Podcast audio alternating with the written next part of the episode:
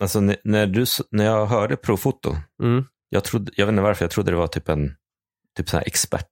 Typ, en, Mhm. typ en butikskedja. Jaha, nej, nej. De är pro- producenter av hårdvara. Jag vet det här för disclosures skull. Linnea har släktingar som är vd och storägare i bolaget. Okej, så det här, kan, det här avsnittet kan få dig utesluten ur släkten. Varför det? Ska du såga dem? vi får se vart vi landar.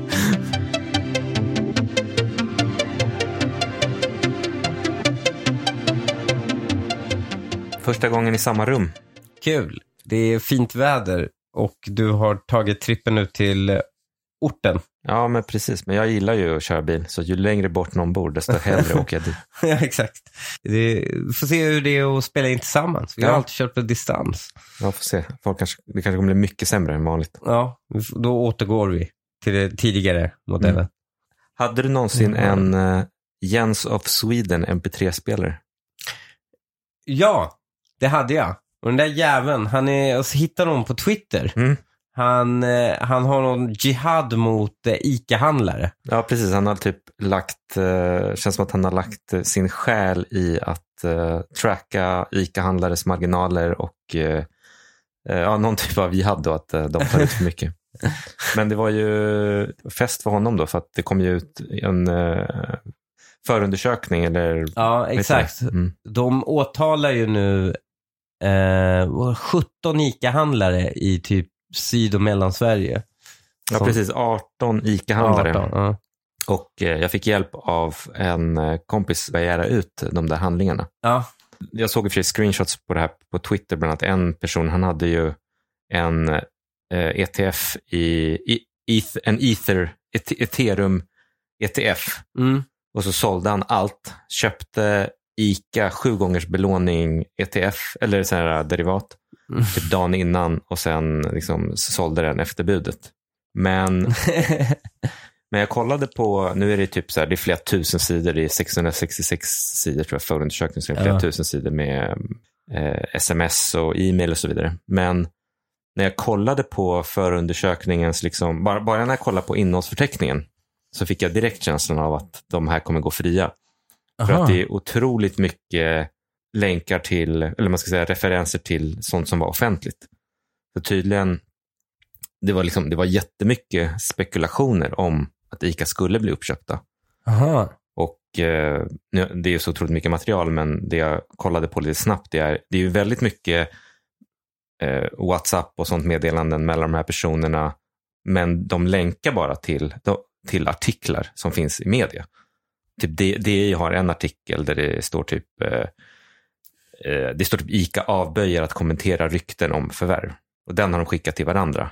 Och det är liksom, det var, så jag tror att det kommer vara otroligt svårt att påvisa någonting som spekulerades. Och sen så, Men att han köpte exakt innan han fick budet. alltså jag skulle säga att om det tydligen hade ICAs vd liksom fått sparken. Och det var liksom mycket, jag tror att vad jag förstått så var det missnöje bland ICA-handlare att de var noterade. Eh, det var mycket spekulationer att det antingen skulle säljas eller att det skulle bli någon stor utdelning för de hade mycket kassa. Och om du är ICA-handlare och det spekuleras liksom offentligt och på poddar om att bolaget ska förvärvas Ja. så kan det bli en situation att, s- säg att ledningen har kallat till ett möte Mm. plötsligt nästa dag. Då vet, okej, det, är det är 50% sannolikhet att det här mötet handlar om att de ska annonsera ett förvärv. Ja. Så då kanske du köper liksom, utan att riktigt veta. Det kan också vara åt andra hållet att ni skulle ha en kick-off, men den blev inställd plötsligt. Den kanske blev inställd för att de ska annonsera ett förvärv. Så att, Aha. jag tror att om, Mm. det är, om du är ICA-handlare så tror jag att du kan, liksom, du kan få mycket signaler som inte är ren insider. Att man säljer direkt efter är ju inte konstigt. Nej, det är inte konstigt. Nej, Så alltså, om någon hör spekulationer Mm. på att ICA ska bli uppköpt. Va, fuck it, jag går och köper ICA. mm, Går och köper ICA. Sen visar det sig att dagen efter så annonserar de. Mm. Holy shit, I catch the tail of the dragon. Mm. Och sen likviderar. ja, men den Då- an- säljen är inte konstig. Nej, säljen är inte konstig. Då, det är ju en credible story. Den är ju högst sannolik. Mm. Nej, men, nej, men köpet är ju såklart suspekt, men det de måste leda bevis på att han gjorde det baserat på någon typ av eh, insiderinformation. Och Mm. jag läste en eh, förhör Mm. med en av de här och han skriver liksom att nej men, ICA-vdn hade fått sparken, handlarna hade varit missnöjda och det spekulerades om att det, kunde, att det skulle kunna varit ett uppköp på gång. Och han sa, blir det inget uppköp så är det ändå, mycket, så är det ändå ett bolag med stor kassa och det kommer bli utdelningar. Så, jag såg det som ett bra läge att köpa. Så, och det, jag tycker faktiskt att det är, inte, det är svårt att angripa den argumentationen om du inte kan Mm. visa på att någon Att han faktiskt eh, Har hade fått sagt information. Ja. några av de här pratar väldigt mycket om, jag tycker det är ganska konstigt att det är med i förundersökningen. De pratar om alla möjliga typer av aktier och en pratar om att Lannebo-fonder har gått så bra för honom. Alltså helt vanligt aktiesnack. Det var, det var också, ena killen skickar, en, ena ICA-handlaren tror jag, han, han skickar någon bild från lokaltidningen där det står liksom årets handlare och så Mm. skriver han typ på skämt, har du köpt mycket annonser eller? Frågetecken.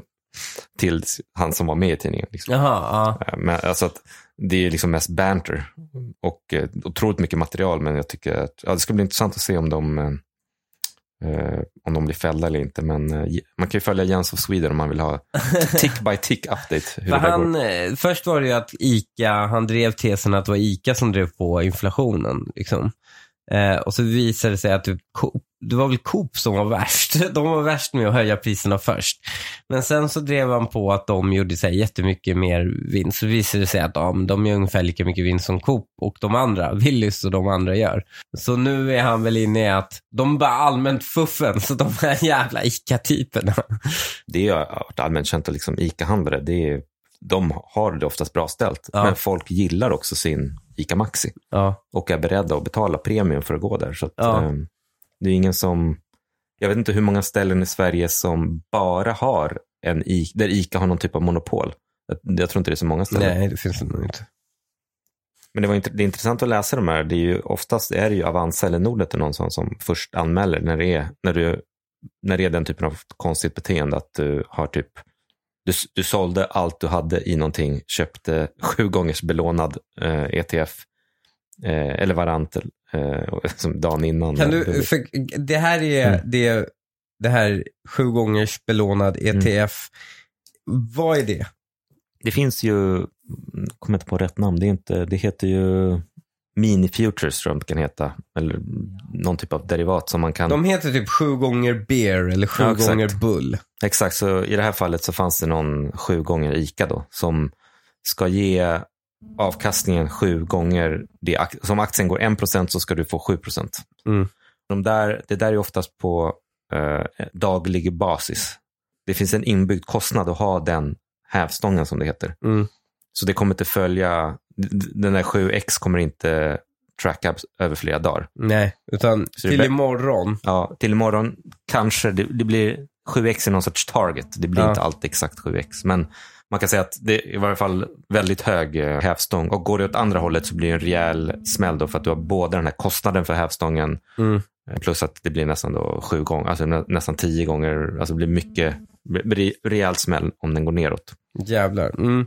Okej. Men det är om du har, om du har någon väldigt kortsiktig vy på några dagar. Så, Så det är som blankning fast, ja, precis. Det finns ju, fast gånger ja, det finns ju bear då som är Ja. där du tjänar pengar på att den går ner. då går, då går den här äh, produkten upp. Då. Eh, Mm. Så du kan, ju, du kan ju då blanka eh, utan att de facto gå igenom hela processen med att behöva låna aktier. Mm, mm. Om du har någon typ av hävstång, om du gör någonting som är kanske mer än gånger ett eller säg kanske gånger två, men allting över gånger två, över en lång period så kommer du ha ganska höga kostnader i produkten som kommer käka upp mycket av av Mm. vinsten. Så att om, om du köper någonting, om du tror nog att någonting ska gå upp eh, 10 om året i tre år, då är det inte så bra att köpa en sån här 3x-produkt för det är ganska mycket avgifter som kommer käkas upp. Mm. Mm. Speciellt om den liksom svänger mycket och så vidare. Så att det är, Då är det bättre att lägga lån på huset och köpa bara aktier, mer aktier. ja, ja, precis. om, du, om, du, om du är riktigt säker. Tips till alla med insiderinformation. Kö, köp inte sju gångers belåning dagen innan. Jag såg att EU godkände Ja, det har EA Activision. exakt. Så nu är det en väldigt märklig sits då, där EU har godkänt och UK har avslagit och USA är väl någon sorts domstolsförhandling. Mhm. Men EU kom mer eller mindre fram till att, att det fanns inga tydliga incitament för Microsoft att inte distribuera Activision-spel på Sony-plattformen. So, in the European Commission's analysis, they state that this deal would not hurt market competition. Um, they're particularly looking at cloud based gaming, which is 1% to 3% of the market. The EU antitrust chief, Margaret Vestager, is saying that the deal is pro competitive, and in the EU's judgment, it would kickstart a growth period for cloud gaming. Now, of course, this is the exact opposite of what the UK CMA, the UK Competition and Market Markets Authority came out when it blocked the deal. They addressed this uh, comparison to the EU Commission, European Commission, basically says that the difference is that they have a different assessment of how this would impact the cloud streaming market, yeah. but also that they see it as a different size. So, uh, you know, clearly they're acknowledging that their outcome is different to their UK neighbours' regulators' outcome, but they're backing this deal and calling it pro competitive, guy. Short spike, by the way, in Activision shares, but not much movement elsewhere. Åh oh, gud, då, tror du på cloud gaming? Alltså att man spelar... Stadia, eller Google, hade ja. en jättesatsning som de nu har lagt ner. Ja. Ett problem var ju på något sätt att de som hade tillräckligt bra internet för att kunna köra cloud gaming mm. var oftast rika regioner som också då kunde kosta på sig en konsol och köra lokalt. lokalt. Mm. Grejen är att det blir så stort med multiplayer-spel mm. och de funkar, har ju historiskt sett inte funkat så bra med cloud gaming. Nej. Cyberpunk var ju en stor titel på, på Stadia, men folk vill ju, många vill ju kunna ha det lokalt, ha bra performance, ha sina egna settings, men, mm. men samtidigt Roblox är väl en typ av cloud gaming och det blir skitstort. Så jag tror att det kan växa, jag tror absolut att det kommer växa fram. Jag, jag ser det bara inte vara i AAA-titlar. Nej, inte än Vilket är det Activision sysslar med väl? Ja. Vilket, ja. Mm. Så det är hon Margareta Vestegar, Executive Vice President in Charge of Competition Policy av EU. Jaha. Det hon sa då kring det här, det var Video games attract billions of users all over the world in such fast-growing and dynamic industry. It is crucial to protect competition and innovation. Kan man i och för sig ifrågasätta, borde vara, borde vara tvärtom. Our decision represents an important step in this direction by bringing Activision's popular games to many more devices and consumers than before, thanks to cloud game streaming. Ja, de kom ju överens med någonting med Activision om att mm de mhm. skulle committa till The commitments offered by Microsoft will enable, for the first time, the streaming of such games in any cloud gaming service, enhancing competition and opportunities for growth. Så hon får, får att låta som att det är EU som har gjort typ Call of Duty och nu EU har gjort Call of Duty och säkerställt att vi får spela den med sjuk hög, hög latency på någon jävla cloud-tjänst. När UK sa nej, mm så dök ju Activision-aktien, budet ligger ju mm. fortsatt på 95 dollar. Mm. När vi köpte då var den kring typ eh, 76, sen mm. handlade den hela vägen upp till 85, 86. Sen sa UK nej, då föll den tillbaka till 75. Och nu är den fortfarande på 78, så man tror att EU kommer liksom få med resten av världen, då är det ganska bra vinst här upp till Microsofts bud fortfarande. Har, har vi, när har vi sålt dem? Nej, jag har kvar dem. Ja, ah, kul. Och sen kom också trailer för Payday 3. Mm. Eller trailer kanske är ett starkt ord. Har du sett den? Nej, jag har inte sett den faktiskt. Jag ska få kolla här. Teaser trailer. All right guys. It's a simple job.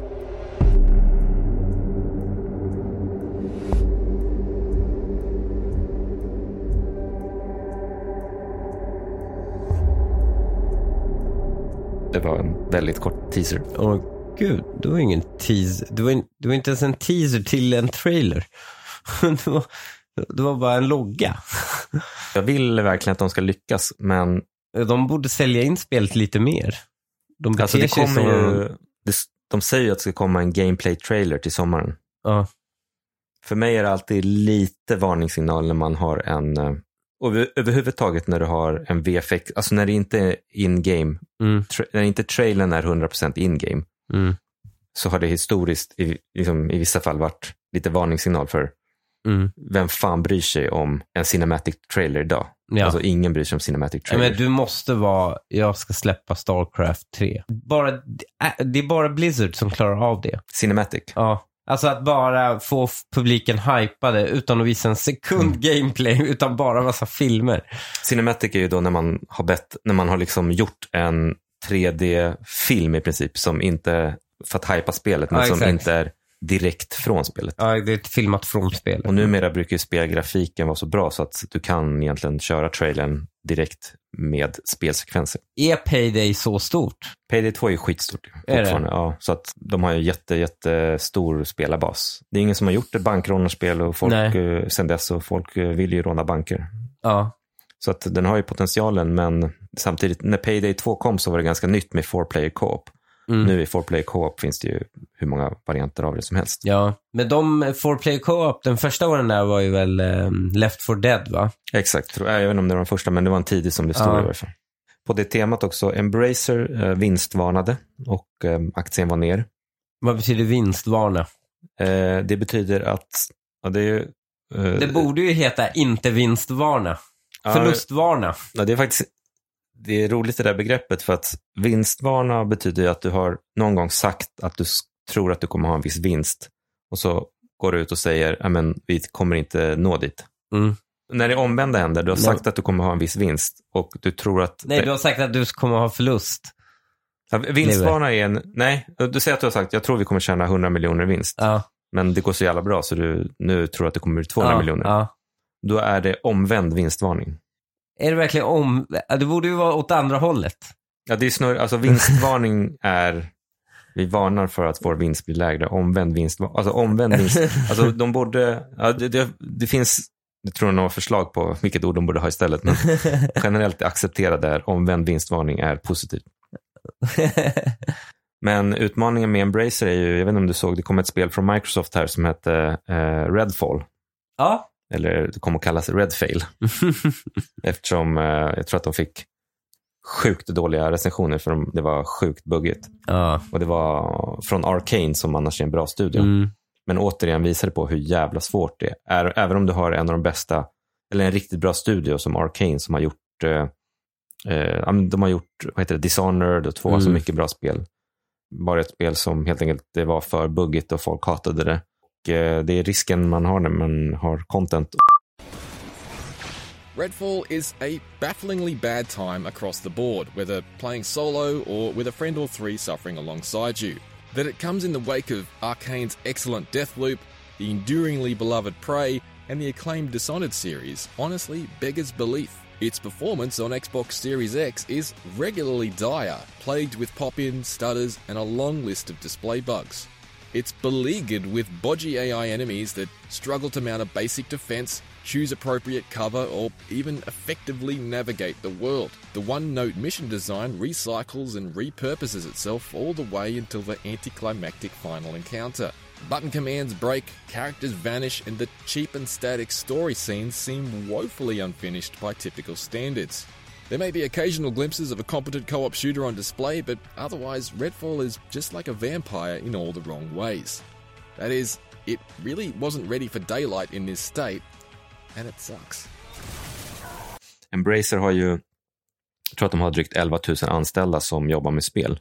Oj. Och de har typ 200 spel och sånt i utveckling. Men ett riktigt stort spelprojekt, alltså om vi tar AAA eller om vi kallar det Mm. Quadruple A, som eh, Red Dead Redemption. Mm. Där kan ju vara typ 3000, alltså, e- eller mer, personer som jobbar på spelet. Jävlar. Så 11 000. Ja, alltså, det, beror på, det beror på hur många av dem alltså som 11 är... 000 skulle kunna vara tre titlar. Ja. Men i det här fallet är det 200 titlar. Så det är, det är svårt, men, men nu har aktien kommit ner så mycket så att jag tror att, jag skulle säga, kommer den ner 30-40% till, då börjar det bli eh, intressant. Är En podd som, eh, i början så frågade jag vad hade du gjort för bra affärer? Ja. Och då sa du att du hade investerat i Profotos IPO. Mm. Så jag tänkte att vi skulle, så jag blev lite sugen på att kolla på det bolaget. Också för att eh, du och jag, eller du skulle hjälpa mig och GT Meister och rigga en podcaststudio. Exakt, då behöver vi ljus. Då behöver vi ljus. Så då, eh, då kom jag åter att tänka på det här bolaget. Jag tänkte vi kunde prata lite om IPO. Hur, eh, kommer du ihåg hur det gick till när du tecknade?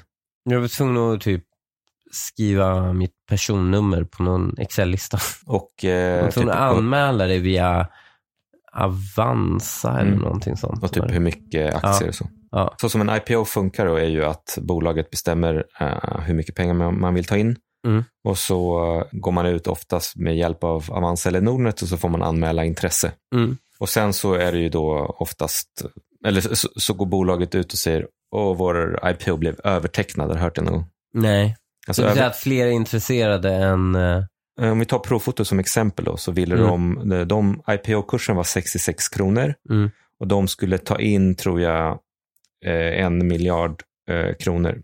Mm. Och då får man bestämma sig, vill man köpa aktier på 66 kronor och hur mycket? Och så skickar man in en anmälan. Mm. Och kommer det in fler anmälningar, alltså att säga att de ville ta in 500 miljoner men det kommer in totalt 2 miljarder, Ja, då är det övertecknat. ja. Och då brukar bolaget ofta gå ut och säga, kolla vad fantastiskt. Det eh, betyder att det är hype inför Ja, det, börsöppning. det tolkas så. G- Mm. Grejen är att det man måste förstå är att en IPO blir alltid övertecknad eller inställd. Jaha. Det finns inget som, det, det har aldrig hänt att en IPO blir, ex, eller kanske någon gång, men det är extremt ovanligt att en IPO blir exakt fulltecknad. Generellt sett när du påbörjar din IPO så vet du typ att du kommer kunna få in pengarna. Mhm. Du, du kan skicka in, till exempel om du hade varit storägare i Profoto, du vet att 500 miljoner är tecknat. Mm. Då kan du säga, ja men jag vill teckna för 10 miljarder. För du vet att du kommer aldrig, alltså det finns inte ens. Ja. Och då kan de säga, ja det blev övertecknat. Vi, jag satt, när vi IPO'ade SOSAB, Mm. det fanns ju folk som skickade in teckningsanmälningar som var på mer än hela beloppet som vi skulle ta in. Och det är att de, de vet att de inte kommer få De, full tilldelning. de tar så mycket de kan få. ja, de, de, precis, men de vet Ja. att de kommer inte behöva punga ut allt det där. Mm. Så att det blir, det blir alltid övertecknat 10, 20, 30, 40 gånger. Det betyder egentligen väldigt lite. Jaha. Och sen så sitter man, när man har fått in de här teckningsanmälningarna, då sitter man som styrelse och så, så ska man bestämma hur ska vi, vilken modell ska vi använda för att fördela Mm. aktierna. Och då, antingen kan man bara säga, okej, vi, vi, liksom, vi delar antalet som har tecknat på summan och så får alla lika mycket. Ja. Typ, oavsett hur mycket tecknar får så får du 20 000. Mm. Eller så kan du göra prorata, liksom de som tecknade mest får mest. Mm. Eller, eller lotta, eller, eller ja, du, du du kan hitta på någon, någon Alla modell. som börjar på A. Alltså du kan Ja, ju lika och- gärna vara först in. Jag tror ofta så blir det så att liksom, om du är väldigt, väldigt övertecknad så kanske du bara fördelar, liksom, alla, får, alla får 20 000 oavsett hur mycket du har tecknat. Det, Mm. kan vara, det kan vara väldigt störande om, om du är en stor investerare som Ja. har en portfölj på 100 miljoner och så får Mm. du, du tänkte teckna för 2 miljoner så fick du Mm. 20 000. Det är därför man också ofta ser första handelsdagen att det är sjukt många transaktioner som sker på just den så här standardsumman. ja. Om det var 20 000 man fick så är det liksom jättemånga som inte vill ha det där, så de bara säljer. Mm. Så att övertecknat betyder, det betyder bara att det blir en IPO. Det behöver inte betyda att intresset var Extremt högt. Liksom. Ja, men det är bra att veta. Nästa gång de är ute och spinner. Om du är smart också så, det är klart du skulle, alltså, du skulle kunna liksom trycka upp kursen precis till den nivån där det är exakt så många som vill ha den. Det är ju Ja. Det är typ omöjligt. Men då blir det också, du vill ju också göra det möjligt för aktien att stiga efteråt. Så du vill ju inte nödvändigtvis, det beror på vad du har för intentioner, men det är dumt att maxa ut allting vid IPO. Eh, Telia gjorde det snyggt. det andra problemet som händer i och för sig är att du styr inte vart den handlar första handelsdagen. Så även om IPO-kursen eh, kan vara 66 kronor, Mm. så kan det vara så att det först, den börjar handla på 100 till exempel. Ja.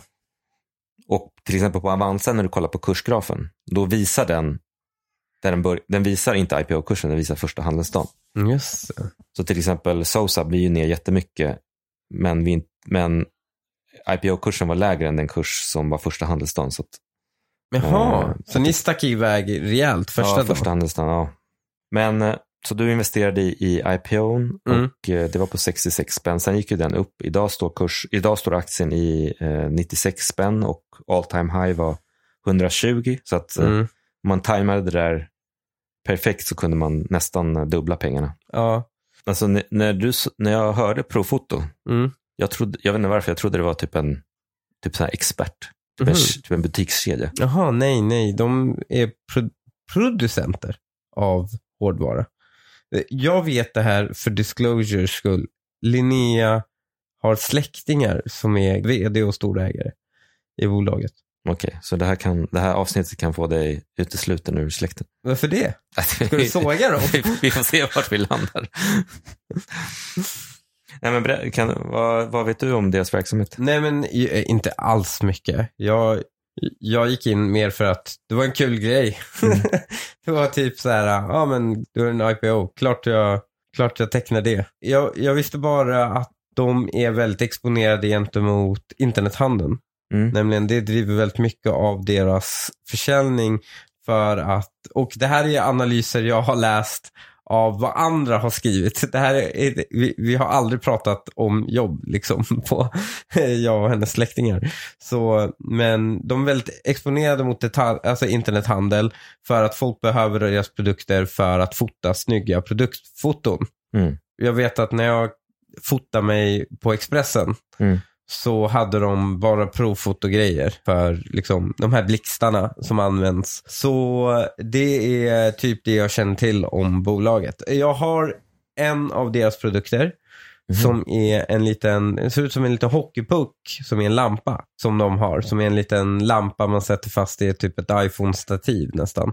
Och eh, den funkar ganska bra för att belysa typ en webcam, en konferens. Man vill ha lite belysning i, på skrivbordet Mm. när man pratar i webcam. Och den funkar väldigt bra. App kändes väldigt, det kändes väldigt premium, hela produkten och eh, appen och upplevelsen. De är då väldigt nischade på eh, ljussättning. Mm. Om man går in på till exempel Scandinavian Photo som är en onlinebutik för ja, fotospecialister.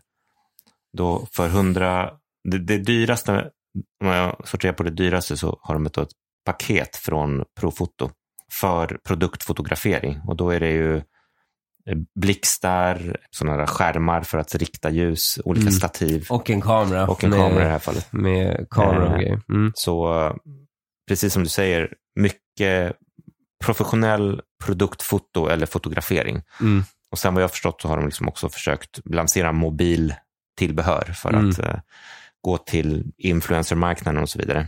Företag där jag jobbade förut som heter Quixel så använde vi sjukt mycket blixtar för vi skannade 3D-objekt. Och Just då det. behöver du, du behöver sjukt starka blixtar för att eh, i princip få bort allt naturligt ljus. För du vill bara ha ditt eget ljus så kan du använda olika typer av polariseringsfilter för att få, eh, få ner det här i liksom, de här texturerna i 3D. Mm. Vi använder dock en konkurrent som hette, de heter typ Ehrlichkrom eller liknande. Ja. Jag såg att de hade en hel del eh, olika patent. Mm. De hade typ, typ 10 eh, patent granted och en hel del eh, pending. Åh, Spännande. Ja. Apropå pending, jag kom att tänka på, jag gick en kurs i entreprenörskap en gång. Ja. Då var det en föreläsare som sa så här, ah, om du skickar in ett blankt papper med ditt företagsnamn, Mm. om någon söker på det så kommer det stå så här patent pending tills, tills de avslår det. Så då kan du säga att du har patent pending. alltid, så fort de avslår, skicka in en ny. så man alltid har en ny patent Bara, ja, patent pending. Ja, men, men de här, det här är de riktiga, riktiga patent. Nej, men det jag omedelbart gillade med bolaget när jag lyssnade på konfkollet och lyssnade på resultaträkningen, det är att de är väldigt öppna och eh, ärliga med eh, hur det går för dem. Och Q1 då i år så hade de 0% organisk tillväxt, vilket de säger rakt ut. Ibland brukar det vara sjukt svårt för att veta hur mycket organisk tillväxt ett bolag har. Mm. Men de hade gjort ett förvärv av ett bolag som hette Style Shoots Mm. och det förvärvet hade bidragit till, eh, eh, till tillväxt. Q1, we had a sales increase of 17%, but organic growth was zero. We did not grow. We were very profitable. Our EBIT, 72 million, 31% of sales. We see a good demand uh, for our product, especially used in studio photography. First of all, short about uh, Profoto. We are premium positioned global niche leader and we are doing this uh, in a niche with a rather high barrier to entry. The core of our operations is our brand, and the brand is based on it's used by the very best photographers in the world. We were founded in 68, so we have a very long experience of doing the same thing. We are active in the growing and attractive image and content creation market because content is key for all brand building companies. We are, have the premium position in the sub-segment photography lighting solution. And what we do, we do a lighting system for professional content creation, especially still photography. Bara så att få lite känsla, bolaget hade 1300 ägare på Avanza och eh, 270 på Nordnet. En annan sak som jag gillade i deras rapportering var att de redovisade eh, en förkortning som heter LTM. Vad är det? Det står för Last 12 Month. Aha. Så att eh, om, du kollar på, om du kollar på ett företags resultat i Q1, Mm. antingen kan man ta liksom det resultatet gånger fyra, för att som förstå mm. vart de står, Eller se tillbaka. eller se tillbaka, för ibland kan det vara cykliskt. Mm. Så, så ibland, vissa bolag har ju att vissa kvartal är jättebra, så det blir Mm. missvisande Mm. att ta gånger fyra. Men LTM, då, last 12 month, då är det liksom Q1, sen Q4, Q3, Q2. Mm. Så då får man en väldigt bra överblick, liksom rull, är rullande 12 månader kan man kalla det. Mm. Eh, hur det går för dem. Och eh, då gjorde de 880 miljoner i omsättning och väldigt bra marginal, 30 procent ebit. Vad är ebit? Det står för earnings before interest and taxes. Okej. Vad är deras redovisade vinst, Innan, Före skatt Ja, och, före skatt och eh, ränta. ränta ifall de har belåning? Mm. Varför tittar man på ebit? Ja, dels är det lite mer jämförbart kanske mellan olika, att man inte ska, man, man, för skattesatsen kan Skattesatsen kan dels är den olika mellan länder, men det kan Mm. också vara att du har förlustavdrag bakåt och så vidare, så den kan vara, den kan vara missvisande. I, självklart i slutändan, bottom line, liksom, så det du kan dela ut till aktieägarna är ju efter skatt. Ja. Men ebit är någon sorts mer jämförelseresultat som man brukar använda. Men 30 procents marginal ebit är liksom efter fasta kostnader, efter rörliga kostnader, men innan skatt. Och då är det ganska bra tycker jag på Mm. en hårdvara som är ljus. Liksom. Mm. De växer inte någon magnifikt. Eh, Egentligen hela tillväxten det här kvartalet kom från det här förvärvet. Men de har ändå ganska bra marginal, vilket leder till att de får ganska mycket cash. Så de har en utdelning som är 4 kronor per aktie. Det är bra. Och aktien står ju drygt 100 spänn. Mm. Så det blir det man kan kalla direktavkastning 4 procent. Mm. Så de, jag tror att de småsparare som har hamnat eller äger den här aktien, de har förmodligen letat efter någonting med hyfsad direktavkastning. Mm. Och även om det här bolaget inte skulle växa någonting mer, så kommer då, för, det som kommer hända då förmodligen att aktien ligger kvar kring 100 spänn och så får du 4 procent varje år i, i utdelning. Då. Det är inte illa. Det var ju bättre förut när räntan var lägre. Ja. De har någon graf i en presentation där de visar antalet foton i världen som en tam. Mm. Den vet jag inte om det är riktigt fair. Eftersom jag tror att liksom antalet dåliga foton, eller liksom inte alla, bara för att det är fler bilder så, eller han, han, de argumenterar för att om det blir fler bilder så blir det viktigare att stå ut, därför blir det viktigare att ha br- bra ljussättning. ju fler bilder som man, blir, som man ser som, som slutkund, eh, desto kortare tid har man att titta på varje bild. Det är ju inte svårare än så. Som vi på Profoto då, och jag själv, jag är helt övertygad om, om, om, om vikten av en professionell fotograf som kan skapa bra bilder. Mhm. Jag vet inte riktigt om- jag köper det, men, men, men ja. Har de inte bara löst hela problemet med att pumpar inte alla bara in pengar i kamerorna då? Istället för ljuset. Ja, precis. För Eller, det är ju det, om du hade bra ljus på en vanlig iPhone, Mm. säga iPhone 4. Mm. Eh, om du hade ett bra ljus på dem, så kunde du ta snygga foton. Men eh, iPhone 13 nu tar ju snygga foton utan bra ljus. Utan Mm. man har lagt alla pengar lägger man ju konstant på att både mjukvara och hårdvara, Mm. att få folk att inte behöva använda ljus. Vi kan ju komma in på det sen, men också AI går ju också på det att Mm. inte behöva, att den ska lösa din ljussättning. Men, men det som är, det som i varje fall historiskt kan man säga att ja, bolaget har haft, eftersom de största kunderna är ju, vad jag förstår, e-commerce. Mm. Jag, eh, jag vet inte om Zalando är kund, men den typen av kunder Mm. kan jag tänka mig som har mycket produkter som ska fotas. Mm. Då erbjuder de liksom en helhetslösning och de har även nu lanserat en mjukvara som jag tror de ska ta SAS betalt för som heter Asset Flow. Där du liksom, när du behöver ta jävligt mycket bilder i en e-commerce-lösning Mm. så ska de hjälpa dig. We're very happy today. We're launching Asset Flow, Profoto uh, software as a service solution for the ecom companies, enable the ecom companies to plan their capture and post process. Uh, we acquired the asset flow uh, product last month, and now we're launching the Profoto version of the same product. So Profoto offers now planning, we offer capture, and we have modular solution, creative automation, and automated studio. Profoto is now the only company that are able to cover three parts of the ecom content creation flow process. Och då kan man ju såklart säga det här bolaget är en som beta-exponering mot e-commerce. Som man kan säga. Mm, Att liksom, mm. eh, kommer e-commerce växa så, så borde de här få fler kunder på något sätt. Men jag tycker de missar en annan grej, nämligen video. Mm. Det är ju också så här, ju mer video och produktionsvärdena går upp i, på YouTube, vilket de gör. Mm. Det är ju en tydlig trend att det Mm. blir ju dyrare och dyrare och finare och snyggare och snyggare produktioner på YouTube. Jag vet inte varför, ja, i och för sig, de gör blixtar, ja, de, men jag vet inte, har de också videoljus? De gör videoljus också, men jag tycker de är ju väldigt fokuserade på fotodelen. Mm. Jag vill se mer video. Mm. Mer riktat mot de som spelar in video, de som streamar, de som poddar. Det tror jag är en tillväxtbransch. Som- För du kan fejka med hjälp av stillbilder, kan man ju ändra väldigt mycket och sånt. Mm. Video är en helt annan femma. Att Ja, det är göra det live. Mycket svårare, kräver mycket mer datorkraft, vi är inte där än. Så där kan de så att säga ta en ta tillväxt. Ja, där. post, post, det det är svårt att göra post-processing i typ realtid, eller Ja. speciellt om du ska ut med mycket videocontent. Mm. Vet du vilka bo.com var? Ja, jo absolut. Vet du vad deras, affärs, kom, vet du vad deras ja, det affärsidé var att sälja grejer på nätet. Ja, fast hur? Ja, De hade en butik då, alltså jag läste om utvecklingen om den. Mm.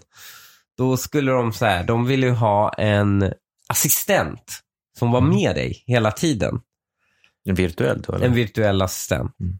Och för att göra det, det här var ju tidigt 2000-tal. Internet var Mm. sög. och hon skulle vara animerad och då skulle de ha typ flash innan folk ens hade flash. Men när du klickade runt på sidan så var du tvungen att den inte laddades om, sajten. Och det här var innan Ajax som man kunde liksom ladda saker i bakgrunden. Så då skulle de lösa det med så här iframes, alltså den tekniskt mest ja, sämsta lö- lösningen du kan föreställa dig. Typ flash, iframes, det var liksom en katastrof, hela bilden. Det finns en bok som heter bo.com. Ja. Som, jag tror att det här var år 2000 eller 2001, precis Mm. i piken av it-boomen. Deras idé var, uh, en del av deras idé var i alla fall att om du skulle köpa ett par skor Mm. så skulle du kunna se skorna i 3D Mm, och typ rotera dem. just det. Och det var också problem med mjukvaran. Och, Så dels var ju då internet för långsamt då. Mhm. Sen finns det ju en story att att för att säkerställa att inte bottleneck var på deras sida så köpte de en av, jag tror att de hade en av de mest kraftfulla datorerna i världen vid den tidpunkten. mm, I den här boken står det att de var tvungna att förstärka upp golvet i serverhallen för den var så tung. mm. Men, men det var självklart inte det som var bottlenecket, det var folks internet. Ja. Men det, det jag skulle komma till i alla fall, deras idé var att du skulle kunna gå in på en e-commerce-sida och se en sko i 3D och snurra rotera den. Mm. Och det kan du fortfarande inte göra Nej. idag. Det är fortfarande produktfoto. Ja, det stämmer. Folk, vissa gör det. Mm. Apple gör det. Vad gör Apple? De har 3D-objekt. Mhm. De Okej. älskar ju den här quicktime 3D som de Mm. har försökt trycka in hos alla. Och det här är väl någon vidare grej. Men jag vet att deras kan man lite snurra runt i. Snurra runt eh, typ airphonesen. Vilket är ironiskt för alla deras produkter ser likadana ut bak och fram. Men, Mm. men eh, jag vet att de har haft det i alla fall. Ja, Men jag, det är för lite av det, det håller jag med. Och det är också, om jag skulle vilja mäta, om det är i 3D, Mm. då får du ju proportionerna. Då behöver du bara ge ett mått så kan du ju räkna ut resten. Mm.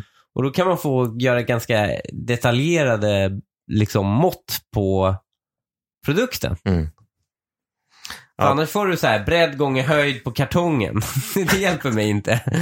Jag har ju visat dig den här iPad-appen som vi har byggt. Jag funderar faktiskt på att den skulle kunna vara lämplig för e-commerce. För där, kan, där skulle du kunna dra in en sko, och du har raytracing och allting, Ja. direkt på iPhonen eller iPaden. Då skulle du kunna ta din produkt, sätta den i olika miljöer, ljus, whatever. Mm. Och du, jag tror ett problem har varit att webb 3D-gränssnittet har varit för dåligt Mm. för att folk ska vilja visa sina produkter. Nästa steg för provfoto skulle kunna, det borde vara egentligen, sätt en, för, för du behöver mycket blixtar när du ska 3D-skanna. Ja.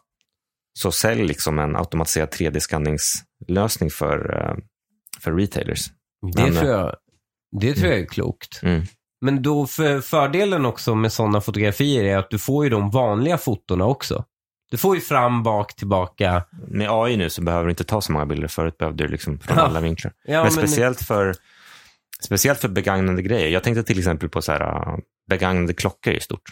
Mm. Men du vill ju, du vill ju kunna zooma in Mm. och kolla. Är det någon, alltså, om när du, speciellt när du tar, det är ganska lätt att ta foton så att du precis inte fotar om det är något fel. Var det inte ni som hade det här bolaget eh, Quixel, så gigapixel-teknologi? Att ni hade så här megascans? Ja, precis. Ja, men vi, ja, precis. Det var det vi använde de här. Vi använde dock Ehrlich Chrome, men vi använde sjukt mycket eh, Mm. flashar. Vi hade ju sådana här eh, riggar som folk hade. HP hade en gång en VR. eh, De gjorde, de gjorde en, en laptop och så hade de en Mm. kolfiberryggsäck som man hade laptopen och så Ja. kopplade man VR-headsetet Ja, så att det skulle kunna gå runt. Men det flög inte, men, men HP hade sjukt många av de här kolfiberryggsäckarna över. Mhm. Då köpte vi dem och, eh, f- och använde dem som batteripacksbärare till våra scanningskillar. Mm. För eh, när du var ute i fält som vi hade, alltså Ja. du kanske åkte till fucking djungel eller Island Mm. och så var du ute i en hel dag. Så då var du tvungen att ha med dig mycket batterikraft. För Och du, bara fotade natur där. Ja, precis. Och du behövde kanske- i Island. 500, 500 blixt, blixttillfällen liksom, för Ja, att scanna någonting. Så då behövde du med dig mycket batteri. Så du hade Mm. de här kol, HPs kolf, re, re, repurposed Det var ingen som bara, vi tar med oss en eh, bensindriven generator. Men, men eh, du måste kunna bära med dig också. Ja, just det. Mm. Jag, jag tänker att Bo.coms vision från år 2000, Kanske är räddningen Kanske- för kanske provfoto. inte räddningen, men kanske någon borde, någon borde börja realisera den 23 år senare. Ja, verkligen. Jag hoppas att han lyssnar Mm. nu, eh, att Anders lyssnar på det här då, som vd. Nej, men tillbaka, tillbaka till provfoto, det är ju, det är ju det är ett transparent bolag, de har bra marginaler, men de säljer då blixtar för studie, eh, studiefotografering. Mm. Och då är frågan, det, det är inte superunikt, det finns ju andra märken. Och tillväxt, ja, de, de, jag tror att de måste vara kreativa för att kunna fortsätta växa. Har, hur, hur ser deras marknadsandel ut? Det är, jag tror inte jag hittade någon bild på det, men jag vet inte riktigt. Det, det, det är säkert också hur man definierar. Ja. Men i det, jag tror de är ganska ledande, i alla fall så Mm. jag för att de är ganska ledande i sitt segment. Mm, alltså när ja, det säkert. ska vara liksom premiumgrejer. Ja. Så det här verkar vara ett märke som också typ andra fotografer tar som seriöst. Mm. Ja, men när man har tillräckligt mycket cash, då köper man en provfotogrej. Mm. Eh, det är väl lite Ja, som det är säkert en sån här, eh, vad heter det? ljusets hasselblad. Eller man, något, ja liksom. men, eh, vad heter det? Aspire, aspire to. ja, exakt. Just AI är ju intressant för att eh, den, den är ju ganska bra på, alltså den, den är ganska bra på att ta ett foto Mm. och neutralisera alla, alla skugga och allting Mm. och så kan du ljussätta det hur du vill. Mm. Och Men de flesta produktfoton, om du föreställer dig Mm. dem, det är ju bara helvit bakgrund. mm, Det, det, det är ljust, det är tydligt, det är Mm. helvitt i bakgrunden. mm, Och det är enklast gjort med en jävla blixt bara och vit bakgrund. mm, Även om du ska göra det med AI, Mm. så här, ta bort bakgrunder och sånt gör ju AI jättebra. mm, Det, det är väl fan, man inte ens AI, en iPhone kan göra det nu för tiden. Mm. Där du liksom bara fotar någonting, håller i den, så klipper den ut bakgrunden. Mm. Så du behöver egentligen bara en vit duk och en iPhone. Men du kommer fortfarande behöva bra ljus. mm. Du kommer inte ifrån att man behöver ett tydligt ljus för att se, för att AI ska uppfatta alla detaljer. Precis, det är ju, Den kan det är inte ju frågan om du, kan AI. börja, du kan ju inte börja sälja produkter en AI ska gissa sig detaljerna till för att det det var för lågupplöst. det, är ju det den nya generationen, typ Nerf och sånt gör. Alltså den fyller i Ja. Eh, Den fyller i det den inte ser baserat på det den har lärt sig. Liksom. Ja, exakt. Men nu säljer du en produkt. Du har en skyldighet att visa upp liksom varenda detalj av den. Jag kan tänka mig att om det är en, liksom, Om det är en tröja, ja, men jag, om det är en blå skjorta liksom, så kommer AI kunna fylla i liksom, ganska Mm. Ja. bra. Men visst, om det är en, om det är en begagnad klocka eller något sånt och, och, du specifikt vill se vad är det för missfärgningar och sånt och AI kanske fyller i det så att det ser perfekt ut. Den blir, den blir ju sämre. Ja. Nej, men provfoto som sagt, det var, det var intressant att ens lära sig om att det fanns ett svenskt företag som eh, var specialiserade på just vad tror vi om, vad tror vi om onlinehandeln? Kommer den så att säga, har den pikat ut nu och det blir inte mer än så här, eller är det mer och mer som trängs bort från den vanliga handeln? Men Jag nog- tänker ju fortfarande att Amazon kommer behöva importera skit från Kina, Mm. fota det och lägga upp det. Mm. Det man ska mäta där är ju inte volymen av produkter, Mm. utan du måste mäta utbudet, hur många olika produkter det är. Mm. Eh, och hur tillväxten i sådana produkter ser ut på nätet. För att försöka mäta efterfrågan för deras produkter. Alltså för provfoto. Mm. Och Amazon har ju liksom ja, lanserats här i Sverige. Det har väl liksom, jag inte, det har väl inte varit en omedelbar succé här. För vi har ju redan varit så mycket på nätet. Ja, Jag tror det är en bra hemmamarknad för provfoto. Att det inte är liksom en gigant som dominerar, utan Ja. att det är så utspritt i Sverige. men jag håller med dig också om att video, alltså nu på Instagram, Mm. så då tror inte jag att jag, jag kollar ju typ inte på stillbilder längre. Det är väldigt Nej. sällan. Men kolla på video. Ja, och på, och på shorts och så vidare. Så Mm. att, eh, frågan är om man kan eh, få några marknadsandelar där. Mm.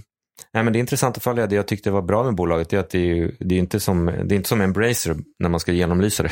Det är ju, Ja, det är de svåra. Ja, men Embracer. Embracer har ju allt från eh, som, vet du det, de har ju så här, uh, fysiska spel och mobilspel och 10 000 olika studios. Det här är liksom kamera, ljussättning. och Du, du ser hur det går kvartal för kvartal. De har utdelning.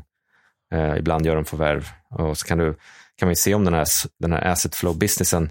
Jag, skulle, jag tror väl att det finns ganska mycket så asset, eh, liksom build asset manager software säkert i Adobe Cloud också Ja. som det är kanske svårt att konkurrera med. Men de har inte gjort så här, jag tror typ Hasselblad och Leica, de har ju så här partnerskap med eh, vissa mobiltillverkare. ja. Sen vet inte jag om de bara säljer sitt namn eller om de faktiskt gör någonting när det är Leica-kamera i din Sony-mobil. ja. Men undrar om man skulle kunna ha att den här telefonen har profoto Flash. flash och sen kanske Ja. flashen inte är så viktig. Det är väl ganska mycket, jag antar att det blir mycket mjukvara. Men en sak som jag tycker är märkligt varför ingen mobiltelefon eh, plockat upp. Det är ju faktiskt den, eh, alltså Profotos mjukvara de har för att kontrollera både tonen och styrkan i färgen. Mm.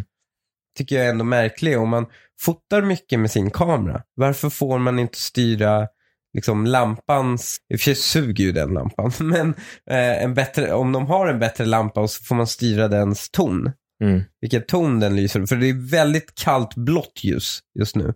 Som får blixtarna att se fruktansvärda ut. Eller när man filmar så ser det liksom, det ser ut som, oftast är det ju lite mörkt läge och när den där går på så ser det ut som ett så Blair Witch Project, att du har en jävla ficklampa i ansiktet. Det borde ju de ju åtgärda så man kan styra tonen av vithet på, på ficklampan. Tar du någonsin, alltså jag tycker flash, jag tycker kam, jag har nog aldrig haft en mobil där jag tycker flashen har funkat bra. Nej, det är det som är problemet. Det ligger noll själ i flashen. Jag har ju haft kameror där flashen funkar bra. Mm. Varför kan jag inte ha en mobilkamera där flashen funkar bra?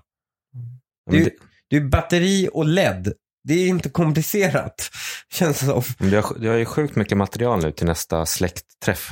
Ja, de borde göra så här mobilskal med en riktig flash som kopplas med din, eh, till din telefon så du kan bara fota på riktigt. Man använder bara flashen antingen som ficklampa eller att man har tryckt fel.